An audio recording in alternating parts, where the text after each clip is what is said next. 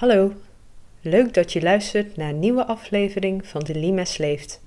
Een podcast over mensen met liefde voor de Romeinse limes. Mijn naam is Deborah en je luistert naar deel 2 van het interview met Wouter Vos. De spectaculaire vondst van het legioenskamp in Valkenburg werpt nieuw licht op oud onderzoek en zorgt voor nieuwe hypotheses over de betekenis van deze plek voor de Romeinen.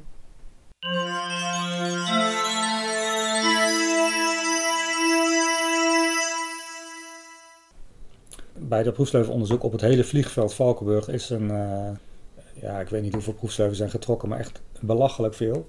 Maar tegen de N206 aan, dus eigenlijk net aan de andere kant van het marktveld, daar werd altijd wel van gedacht van, nou, daar zal het Romeins wel nog zitten.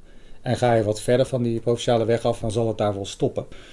Nou, dat klopte ook wel ongeveer, want op een gegeven moment kwam daar een tweetal spitsgrachten uit. Nou als je een spitsgracht vindt, dan weet je zeker dat er militairen met de aanleg van iets dergelijks gemoeid zijn. Dus toen werd er al geroepen van, oh, wat is er aan de hand? Wat kan daar dan hebben gelegen? Want uh, wat doen die spitsgrachten op dat vliegveld daar? En tegelijkertijd werd er in de buurt van die spitsgrachten werd er ook een, uh, een aantal forse paalkuilen opgegraven, waarvan één paalkuil onderin hout had, als een soort fundering waarop een paal ooit had gestaan. Die paal was weg, maar dat hout onderin lag er nog. En dat hout is gedateerd en daar kwam uit 39 na Christus, plus of min 6. Dus dan zit je in de tijd van Caligula, die tussen 37 en 41 regeerde. En toen gingen de alarmbellen wel aan bij iedereen, van wow, wat is daar aan de hand? En waarom gaan ze aan? Omdat wij uit antieke bron weten dat er iets gebeurt in de tijd van Caligula, ergens aan de kust. En om een lang verhaal kort te maken, kan het zo zijn dat eh, Caligula inderdaad met zijn troepen hier aan de Noordzeekust is geweest bij Valkenburg. En dan krijg je dat schelpenverzamelverhaal waar uh, Cassius Dio en uh, Suetonius over schrijven. Dat hij op een gegeven moment opdracht geeft aan zijn legioenen om schelpen te gaan verzamelen als een triomf op de zee. In plaats van dat ze inschepen en naar Brittannië gaan, wat oorspronkelijk, als je de antieke schrijvers mag geloven, zijn doel was. Uh, gaat hij zelf met een boot, uh, met een trireem waarschijnlijk of een bireem, gaat hij even de zee op, komt weer terug en geeft dan het uh, signaal van verzamel al die schelpen enzovoort enzovoort. Nou, er zijn boeken over volgeschreven wat dat betekent. En voor ons is het interessant van waar heeft dat plaatsgevonden? En dan is het natuurlijk enorm wishful thinking dat we denken dat dat in Valkenburg heeft plaatsgevonden. Maar er zijn wel wat archeologische aanwijzingen die in die richting zouden kunnen duiden. Onder andere de datering van het castellum in Valkenburg. Maar er zijn meer kastellen langs de Rijn die uit die periode dateren. En er is onder andere ook een tweetal duigen opgegraven, zowel in Bunnik-Vechten als in het castellum van Valkenburg. En op die duigen, die van wijntonnen waren, waarin dus wijn oorspronkelijk heeft gezeten, daar staan stempels. Daar staat de officiële titel op van keizer Caligula. Gaius Caesar Augustus Germanicus. En daar is de idee uit ontstaan, destijds opgeschreven door Simon Winia in 1999, van uh, wijn van de keizer. dus hij heeft zijn troepen blijkbaar toch hier ergens in Neder-Germanië, misschien wel aan de Noordzeekust bij ons, verzameld. Die duigen zouden kunnen duiden op wijn die hij heeft uitgedeeld aan zijn manschappen. Het zegt niet dat Caligula in Valkenburg in het fort is geweest, hè, maar het is wel een soort indirecte redenering dat die wijn nou, op zijn last zeg maar, naar die militairen uh, is getransporteerd. Dus dat zijn wel aanwijzingen die samen met bijvoorbeeld muntenonderzoek, dan bevind ik me op glad ijs, want ik ben geen numismaat. Maar daar kun je ook nog wel wat mee, want we hebben munten uit de tijd van Caligula. En we hebben munten uit de tijd van Caligula met een klop erop, een nastempeling van Claudius. En de ongeklopte munten die circuleren waarschijnlijk in de tijd van Caligula. En de geklopte munten die circuleren van daarna. Caligula kreeg misschien een damnatio memoriae. Hij moest verdwijnen uit de Romeinse geschiedenis. Maar die munten waren natuurlijk uh, nog steeds best wel schaars. Dus uh, ja, al het muntgeld wat je had, daar kon je beter maar een klop op laten zetten door Claudius. Van deze is echt nog wel goed, die kun je gaan gebruiken. Nou, die ongeklopte munten en die geklopte munten, die vind je ook in sommige forten terug. Dus ook dat duidt in die richting van Caligula. Nou, dan kwam dit ding van die proefsleuvenonderzoek, kwam deze datering daarbij. En dat zette ons aan het denken van er is wat aan de hand aan. Misschien hebben die troepen tijdelijk op het vliegveld gelegen. Voordat ze bij wijze van spreken zich gingen verzamelen aan de, aan de kust om in te schepen naar Brittannië. Natuurlijk moet je alle verhalen met een korrel zout nemen, want zij hebben het over 200 tot 250.000 man. Nou, dat kan gewoon bijna niet. Dat is onmogelijk. Maar laat het er nou eens 15.000 zijn. Dat zijn drie legioenen. Nou, wie weet. Wie weet.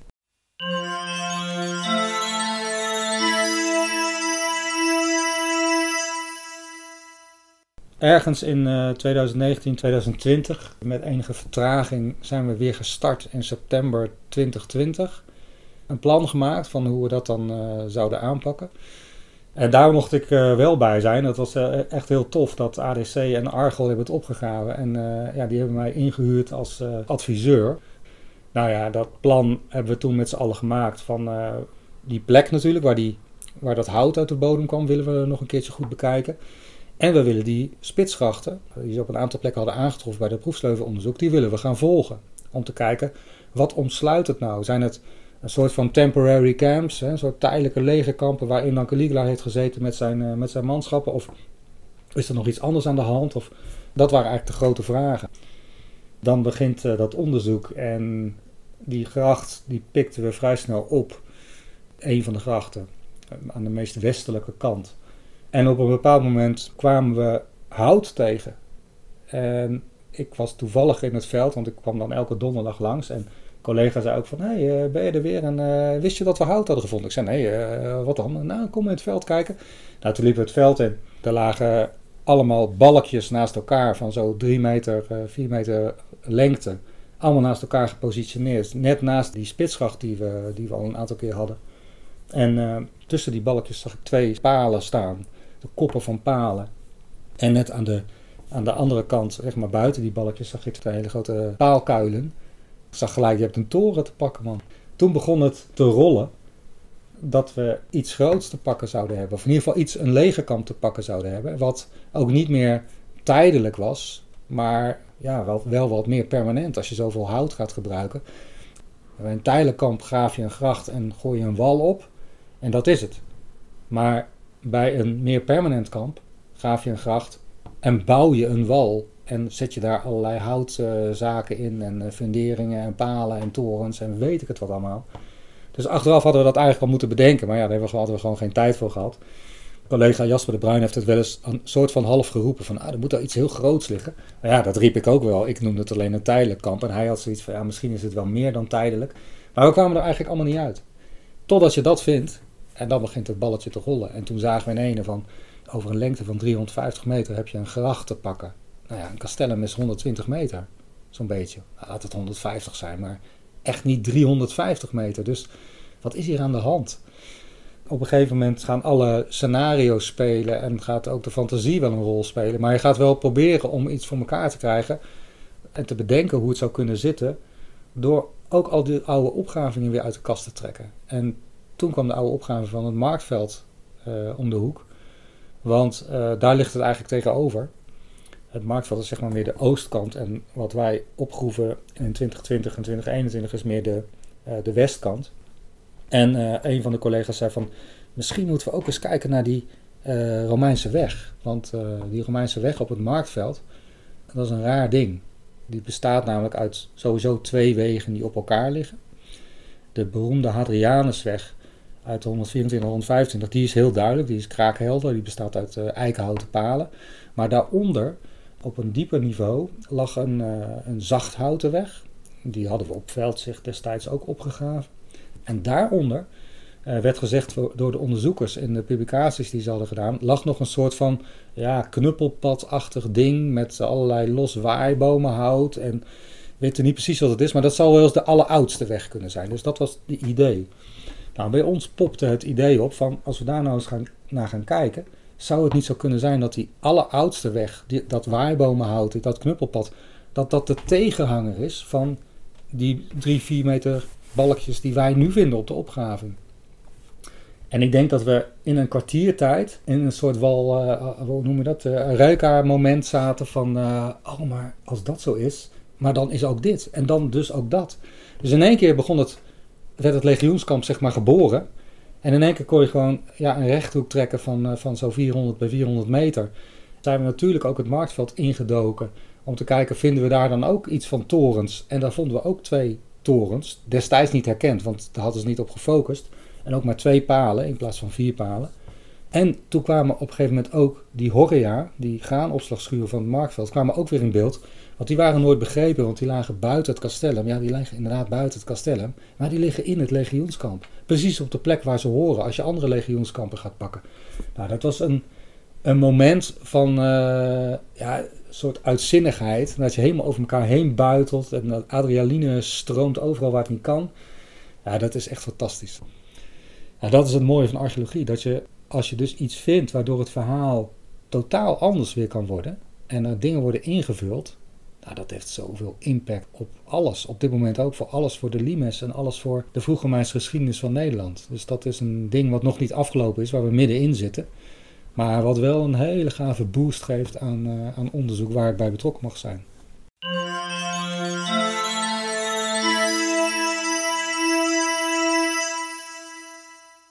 En heeft die vondst van dat legioenskamp, heeft dat nu ook nog gevolgen gehad uh, voor die naam, Praetorium Agrippinae? Nou ja, dat, kijk, natuurlijk weet je het nooit zeker, omdat uh, ja, we waren er allemaal niet bij toen die kaarten werden getekend. En toen de naam werd uitgedeeld, hè, er zijn, is natuurlijk ook een hele grote club in Nederland die zegt dat al die namen allemaal helemaal niet van toepassing zijn op al die forten en zo. In zoverre hebben ze een punt dat er volgens mij nog nooit ergens in een, een van de forten dan ook maar een naam is gevonden. Maar in Valkenburg wel, hè. we hebben één scherf van Vergiffen en daar staat Grippina op. Dus daar zou je Agrippina van kunnen maken.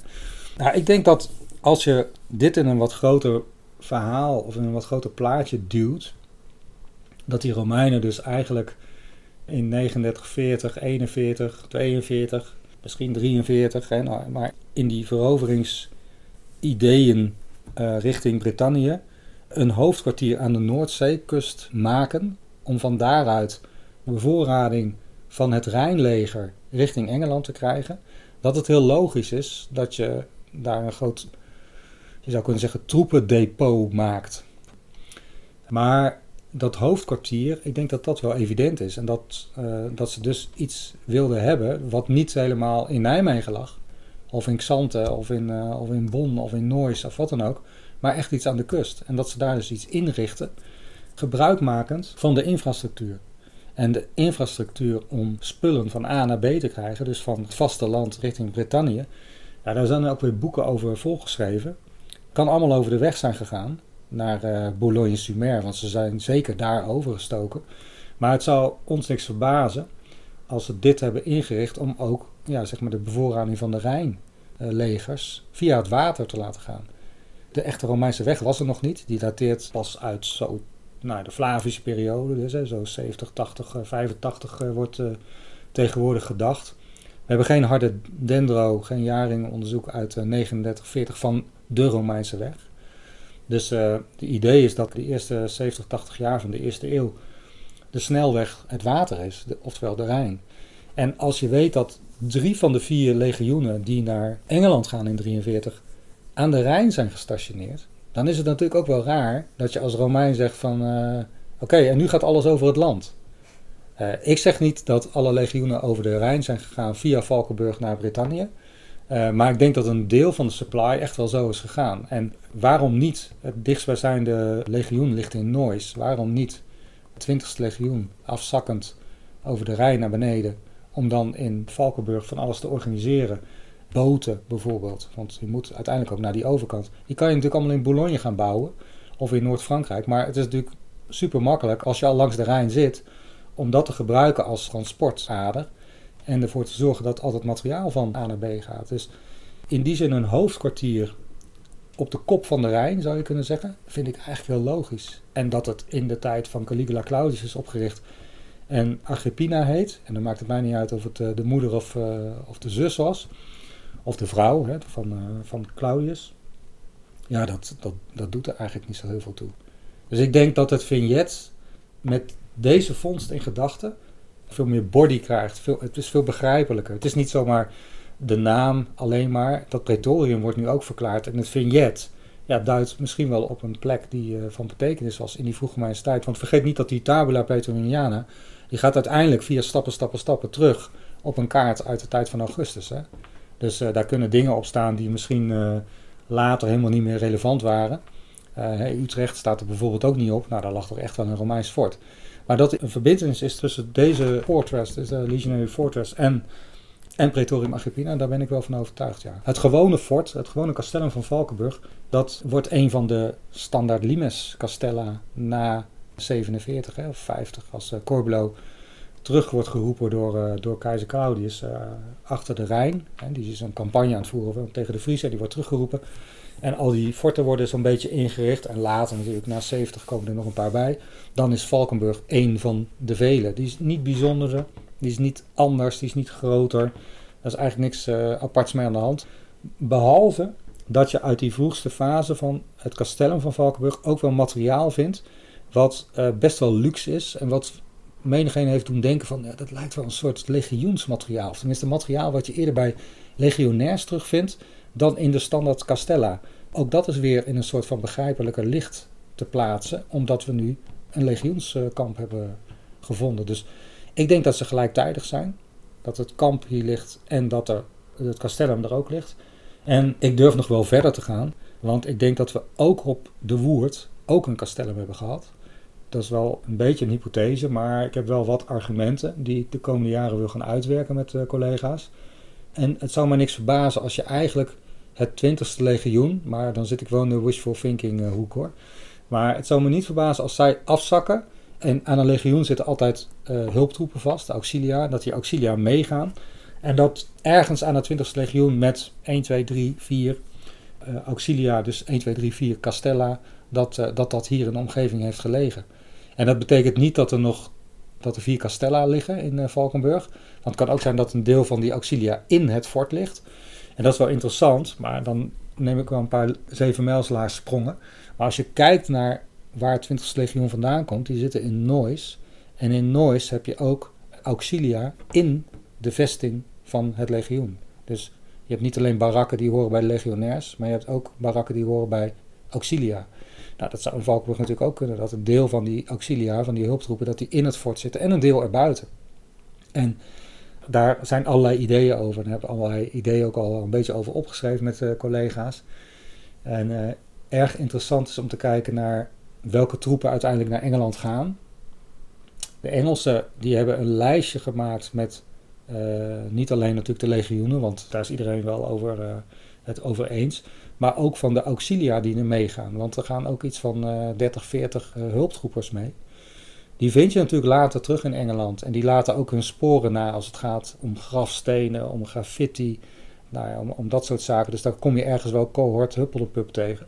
Dat lijstje van die Engelsen, dat is interessant. Daar staan vijf Gallische cohorten op. Uh, die blijkbaar dus ergens in, op een bepaald moment in Engeland rondlopen. Dat wil niet zeggen dat ze per se van in 43 ook allemaal meegingen. Maar het kietelt wel een beetje, omdat wij weten dat in het castellum van Valkenburg in die allereerste fase het derde cohort van de Galliërs zit. En die vertrekken, zegt Van Giffen, uh, heel snel. En dan krijg je fase 1a, uh, waar maar twee of drie jaar tussen zit, zegt hij. Nou, dat moeten we allemaal nog eens goed gaan uitwerken. Maar goed, dat, dat zijn wel prikkelende dingen natuurlijk. Dat je, dat je en een legioen hier misschien hebt, wat net zo makkelijk af kan zakken vanaf Noors, want dat is minder kilometers, gaat sneller met een boot, dan dat ze over de weg gaan. Wat ook kan, hè, want ze kunnen natuurlijk prima de Keulen, Keulen weglopen. En je hebt dat uh, Gallische cohort uit het eerste fort, wat dus later terugkomt in, uh, in Engeland.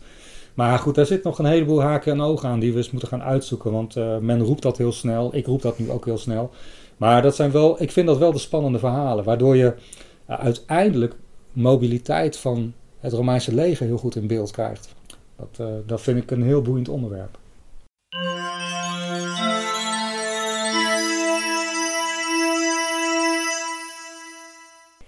Dat het legioenskamp inspireert tot nieuwe hypotheses is duidelijk. Lees er meer over in de blog bij deze aflevering. Je kunt deze vinden op mijndma.com slash de leeft. Eén spannende gedachte is dat de legioenen die in opdracht van Corbulo een kanaal groeven tussen Rijn en Maas, gestationeerd waren in het legioenskamp van Valkenburg. Wie hier zeker meer over weet te vertellen is Wilfried Hessing, ik spreek hem in de volgende aflevering over het kanaal van Corbulo. Luister dus volgende keer weer naar de Limes leeft.